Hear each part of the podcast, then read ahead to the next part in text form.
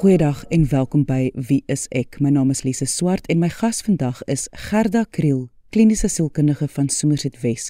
En ons praat vandag oor selfdood. Wanneer iemand nie meer wil lewe nie, wat geliefdes te doen staan en hoe agtergeblewenes die verlies kan verwerk.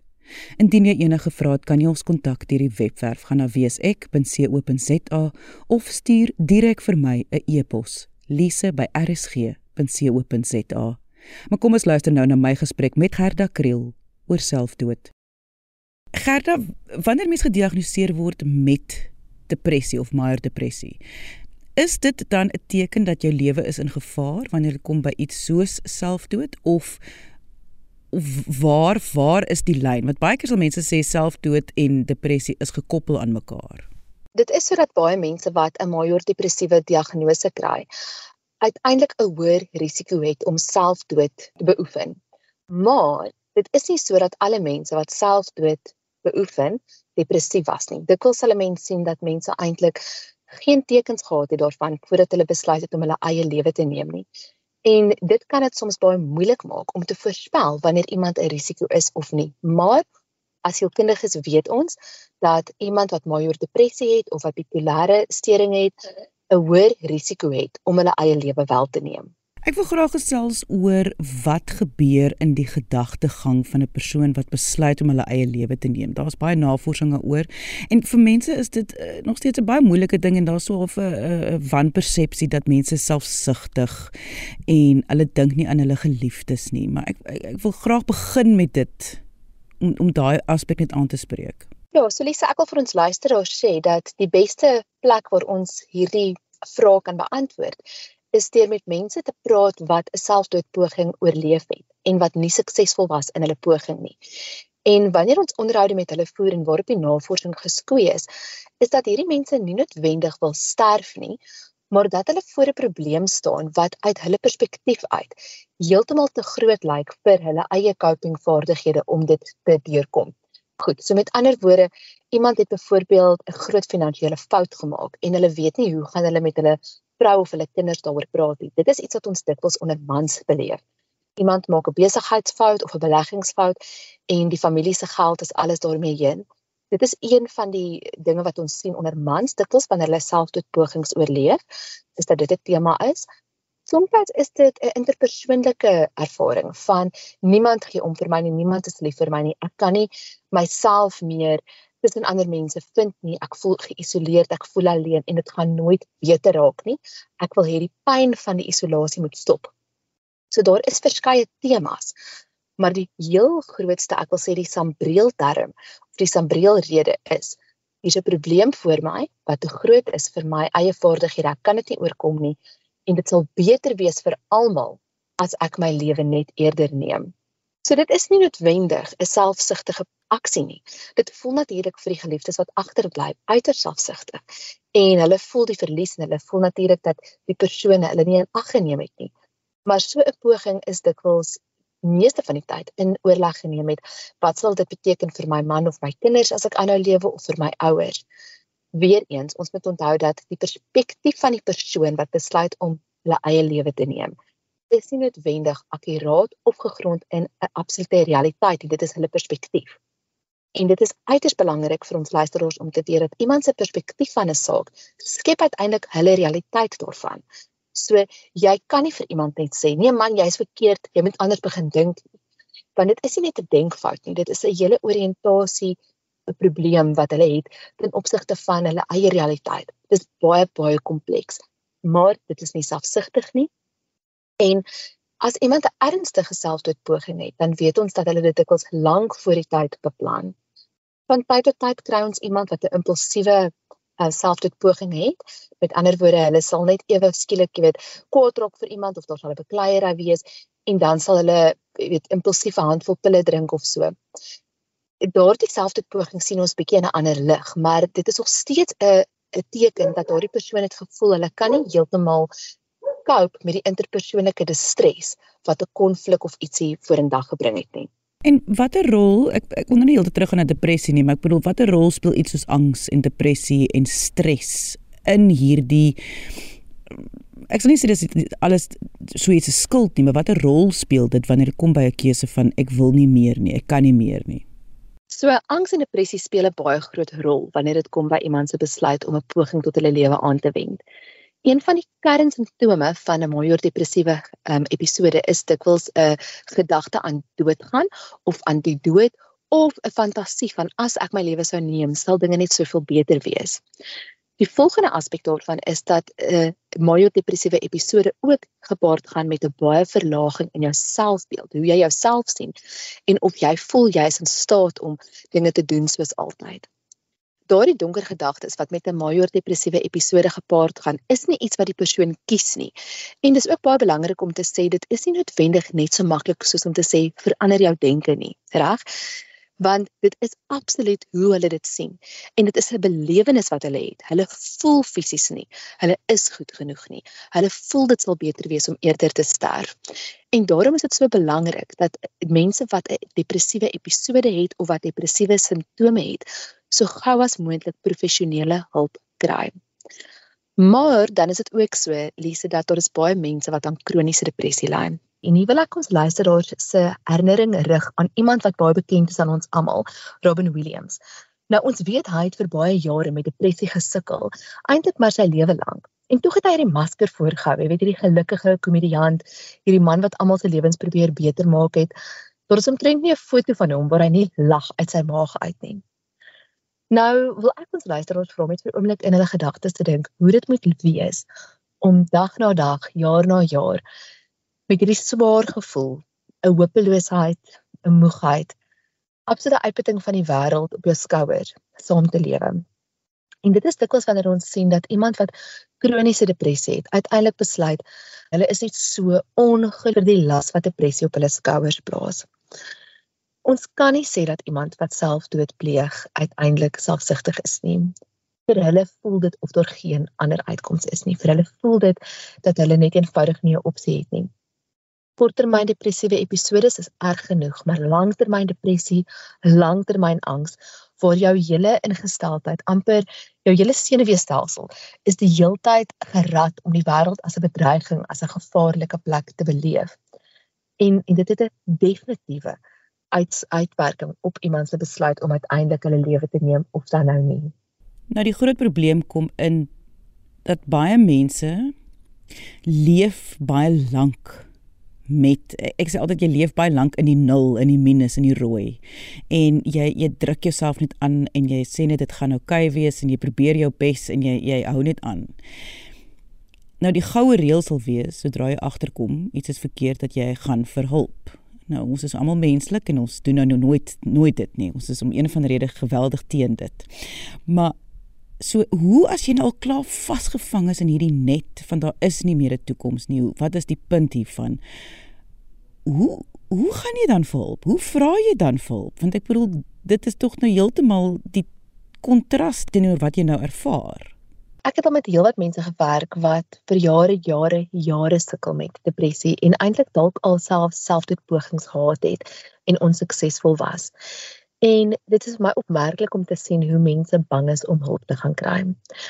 Daar is nog steeds in Suid-Afrika veral 'n reuse stigma rondom geestesgesondheid waar mense voel, jy weet, dit is snaakse fliekprentjies, jy weet van ehm um, hospitale waar mense snaakse dinge aan jou gaan doen en so. En dit is glad nie so nie. Meeste sielkundiges is mense soos ek en jy. Ek meen ek is 'n mens net soos jy en ons is mense wat ook die lewe kan geniet en wat ook die vermoë het om iemand anders se pyn te herkontekstualiseer sodat dit nie noodwendig so swaar vir hulle is nie. Maar baie mense is bang om met iemand te gaan praat. Hulle is bang dat hulle gaan hierdie persoon, hierdie professionele persoon belas met hulle pyn. Hulle is bang dat iewers gaan dit wat hulle voel of hulle dink uitkom by hulle geliefdes.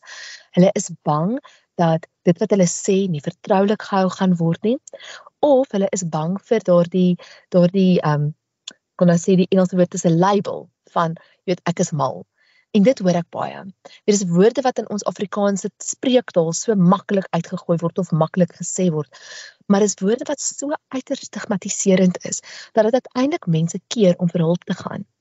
Maar die meeste mense wanneer hulle begin om hulp te kry, alhoewel hulle nie noodwendig 'n 100% verligting van hulle simptome kry nie. Kyk, soms kan dit gebeur reg dat jy beter raak en die probleem word by sy kern uitgesorteer en opgelos. Maar baie mense moet leer hoe om met hulle kroniese depressie of kroniese bipolêre stoornis of kroniese angs saam te leef net daardie vermoë, daardie vaardighede wat jy kan aanleer in terapie om jou te help om daardie lasse bietjie ligter te maak en om jou gedagtes in 'n ander rigting te stuur of om probleme te herkontekstualiseer. Bring vir mense dikwels die verligting dat hulle sal sê ek sukkel nog steeds, maar ek wil nie meer my lewe neem nie. So ek in my insiens is 'n professionele raad of professionele hulp althans die beste ding wat jy vir jouself kan doen. En soms is dit belangrik dat as jy weet jou maat sukkel en hulle is nie van plan om professionele raad te kry nie, dat jy iemand professioneel gaan sien ook om jou te help om te ondersteun hoe leef jy saam met iemand wat dan kronies 'n uh, 'n verstoring het soos depressie of angs of bipolêre storing. Jy luister na Wie is ek? My naam is Lise Swart en my gas is Gerda Kriel, kliniese sielkundige van Somerset Wes. En ons praat vandag oor selfdood. Indien jy enige vrae het, kan jy ons kontak deur die webwerf. Gaan na www.wieisek.co.za waar daar ook ekstra inligting is oor selfdood of stuur direk vir my 'n e-pos lise@rsg.co.za Gerda dit is natuurlik uiters belangrik om te gesels oor die geliefde want soos jy sê eh, wanneer iemand nou wel hulle eie lewe geneem het die die geliefdes die agtergeblewenes die geliefdes wat agterbly is baie keer geskok het dit nie verwag nie het dit nie gesien nie en verstaan glad nie hoe kon hierdie persoon dit aan my gedoen het nie want ek is miskien jy weet die die man of die vrou in die persoon se lewe en hierdie persoon het my nie vertrou nie. Kom ons begin net deur is daar tekens waarvoor 'n mens kan uitkyk? Is is bestaan daar so iets of of moet 'n mens eintlik maar in vrees lewe dat iets kan deel dit net skielik gebeur? Lise, ek dink dit is sodat daar is tekens waarvoor 'n mens kan uitkyk. Dat jou maat enige tekens van angs of depressie het of as jy weet jou maat sukkel met bipolêre storing, um, dan is dit jy weet altyd belangrik om paraat te bly om te weet dat dit kan enige tyd gebeur, maar dat dit nie noodwendig gaan gebeur nie. Vreemd genoeg vind ek dat net om die vraag te vra, dikwels die risiko verlaag. Veral wanneer 'n mens werk met iemand wat gesien word as hoë risiko, deur te vra, dink jy soms daaraan om jou lewe te neem? Soms sal die persoon bang wees om eerlik te antwoord. Maar so 'n vraag stel jou tog in daardie oomblik op die plek om te sê, as jy vir my sê, sal wat ook al jy sê vir my oukei okay wees. Ek wil jou net help. En dit kan jy vir jou man of jou vrou sê. Die die groot geheim hier Lise is dat ons nie ons emosies die oorhand moet laat kry nie. Ons moet ons self posisioneer om te sê dis nie my skuld nie. Dis nie iets wat ek verkeerd gedoen het nie. My lewensmaat het 'n probleem en ek wil hulle ondersteun. En daarom as hulle sou sê ja, ek dink soms daaraan, en dat jy hulle nie ewe skielik aanval en sê hoe kan jy daaraan dink? Wat van my en die kinders? en het jy al gedink hoe ons sal krepeer sonder jou? Want ek beloof jou hulle het al daaraan gedink. Hulle het al in in hulle koppe fantasie geskep van hoe dit met jou beter sal gaan as daardie persoon nie daar is nie jy weet? En dit is hoekom ek sê dis jou perspektief. Dis hulle perspektief van die situasie wat foutief is reg Nou waarvoor jy kan uitkyk is as iemand byvoorbeeld vir 'n lang tyd depressief was en hulle is ewe skielik baie beter en hulle is ewe skielik meer joviaal en hulle begin skielik al hulle vriende, selfs vriende wat hulle lanklaas gesien het, te nooi om by te kuier en hulle begin van hulle besittings weggee. Dit was al mense sê, "Sjoe, maar het ewe skielik so goed met hulle gegaan. Hulle depressie was die laaste tyd heeltemal weg." Dis dikwels 'n teken dat hulle 'n datum gekies het om hulle lewe te beëindig. En ek sê nie dit is altyd so nie, maar dit is een van die gevaartekens wat ons al leer identifiseer het en wat die navorsing vir ons sê 'n mens bedag op moet wees. Is as daar skielik 'n positiewe draai in iemand se gemoedstoestand is, dan is dit belangrik om juis die gesprekke te hê, juis die vrae te vra en meer beraad as ooit te wees. Nou wil ek ook nie ons luisteraars bang praat en sê dit is altyd die geval nie. Dit is belangrik om te weet dit verskil van konteks tot konteks en persoon tot persoon maar dit is 'n bekende teken dat wanneer daar 'n positiewe draai is, dat dit dikwels 'n teken is van 'n datum wat gekies is en 'n plan wat gefinaliseer is en dan is dit ook belangrik om op te let op enige ander afskeidsgedrag wat die persoon het. Maar dan Lise, is daar ongelukkig 'n 'n persentasie mense wat geen tekens openbaar nie.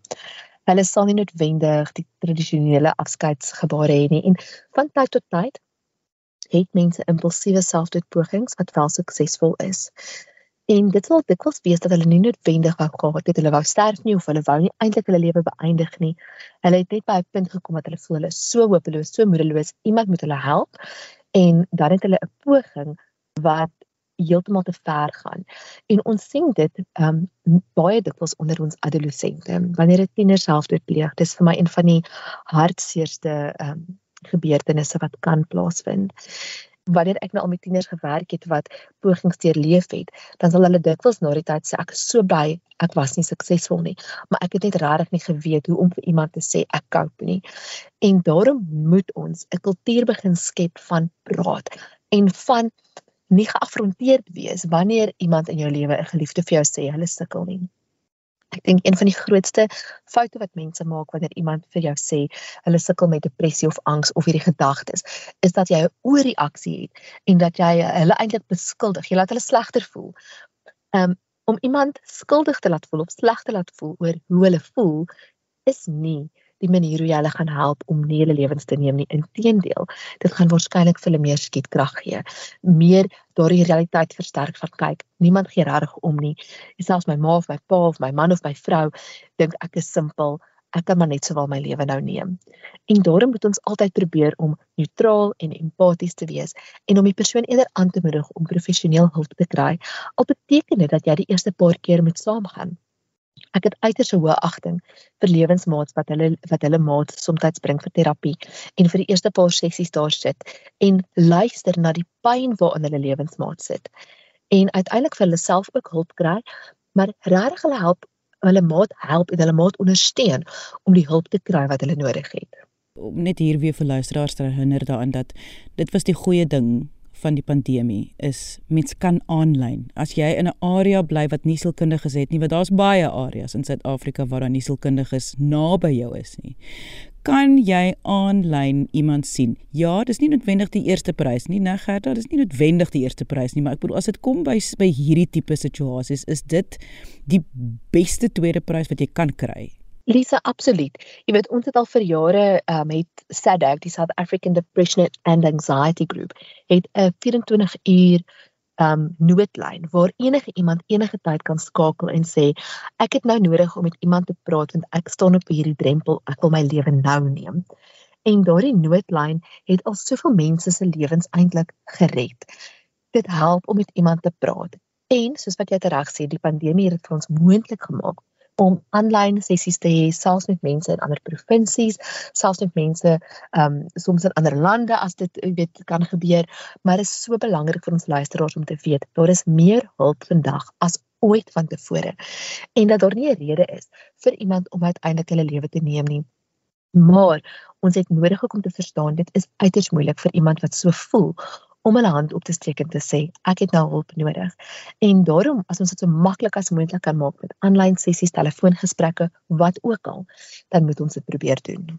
Nou jy het fantastiese advies gegee deur die vraag wat mens kan vra dat mens letterlik die woorde spreek dink jy soms daaraan dat jy jou eie lewe wil neem. Goed, nou is die antwoord ja. En toe gee dan die uh, advies dan moet ons nou onmiddellik vir die persoon hulp kry en so. Het jy wel miskien net daai een sin want dit is 'n baie moeilike omstandighede en mense verstaan dat mense reageer onmiddellik emosioneel.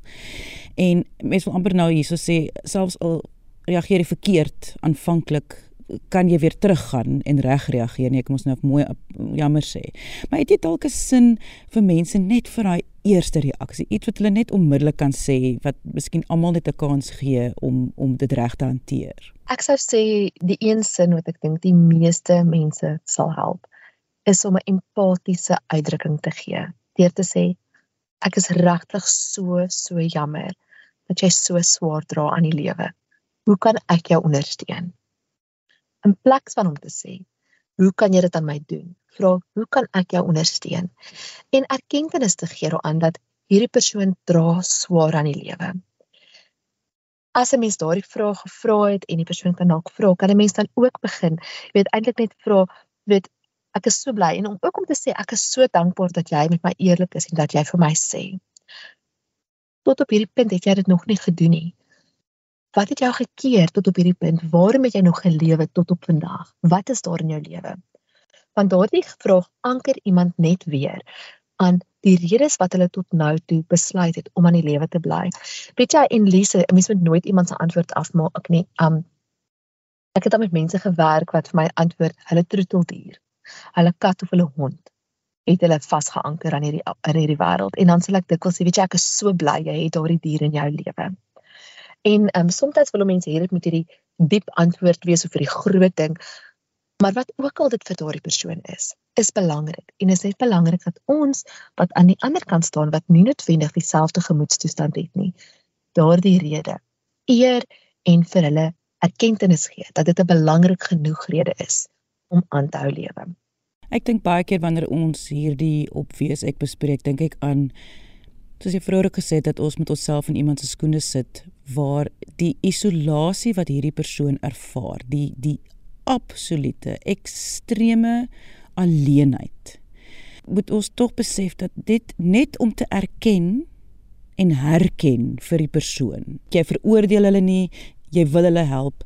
Jy weet dalk nie hoe nie, maar jy wil graag help en en jy wil graag daar wees. Ek dink net om al klaar te voel jy het 'n vriend hier in hierdie noodtoestand van isolasie, net om al klaar te voel iemand hoor wat jy sê, gaan al klaar 'n groot verskil maak aan hoe iemand voel. Nie noodwendig alles oplos nie, maar net dat hulle gaan weer voel nou kan hulle vir nog 'n stap gaan, miskien weer vir hulp gaan. Hulle kan dit dalk doen.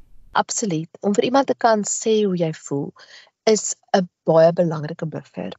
Dit is een treetjie verder weg van daardie besluit af. En weer eens, dis nie noodwendig absoluut nie. Soms gebeur dit dat iemand vir iemand sal sê en dan nog steeds suksesvol is met 'n poging daarna. En daardie persoon wat dan agterbly wat hulle in hulle vertroue geneem het, voel soms so verskriklike skuldgevoel. Jy weet, jy rou oor die persoon wat jy nou verloor het en jy voel skuldig oor die feit dat jy nie niks groot genoeg gedoen het om hulle te keer nie. En vir daardie mense wat dalk al dit hier leef het, wil ek ook vandag sê, weet daar is niks wat ons kan doen wat 100% gaan verseker dat iemand nie hulle lewe neem nie. En dit is nie jou skuld nie. Dis nie jou skuld nie en jy het hulle nie gefaal nie. Ons moet besef dat jy die beste doen wat jy kan binne jou vermoë. Maar ons weet nooit eerlikwaar 100% wat in iemand anders se gedagte gaan aangaan nie. En daarom is dit so belangrik om onsself ook net ek wil sê te veronskuldiging te sê jy doen jou beste, maar jy kan nie namens iemand anders besluit nie. En ek wil ons luisteraars regtig uitnooi as jy so iemand is wat ehm um, iemand anders se selfdood deurleef het, 'n geliefde se selfdood deurleef het en jy het nog nie met iemand gaan praat oor die gevoelens wat jy dalk het daaroor of oor die rou en die die pyn wat jy daaroor het nie. Dat jy tog ook gaan vir professionele hulp. Jy weet, ons fokus dit vol so op die mense wat um die tekens van depressie of angs het. Maar dit is ook belangrik om te weet dat jy wat net rou, jy wat net regtig met vrae worstel, ook met iemand kan gaan praat om jou te help om dinge weer in perspektief te sien. En dit was die stem van Gerda Kriel, kliniese sielkundige van Somerset Wes. Onthou as jy enige vrae het oor vandag se onderwerp, kan jy ons kontak. Gaan na www.wieisek.co.za of jy kan direk vir my 'n e-pos stuur. lise@rsg.co.za. Dankie dat jy vandag ingeskakel het. Ons maak weer so volgende Vrydag 12:30 hier op RSG. Jy moet 'n heerlike naweek hê en onthou, kyk mooi na jouself. Thank you.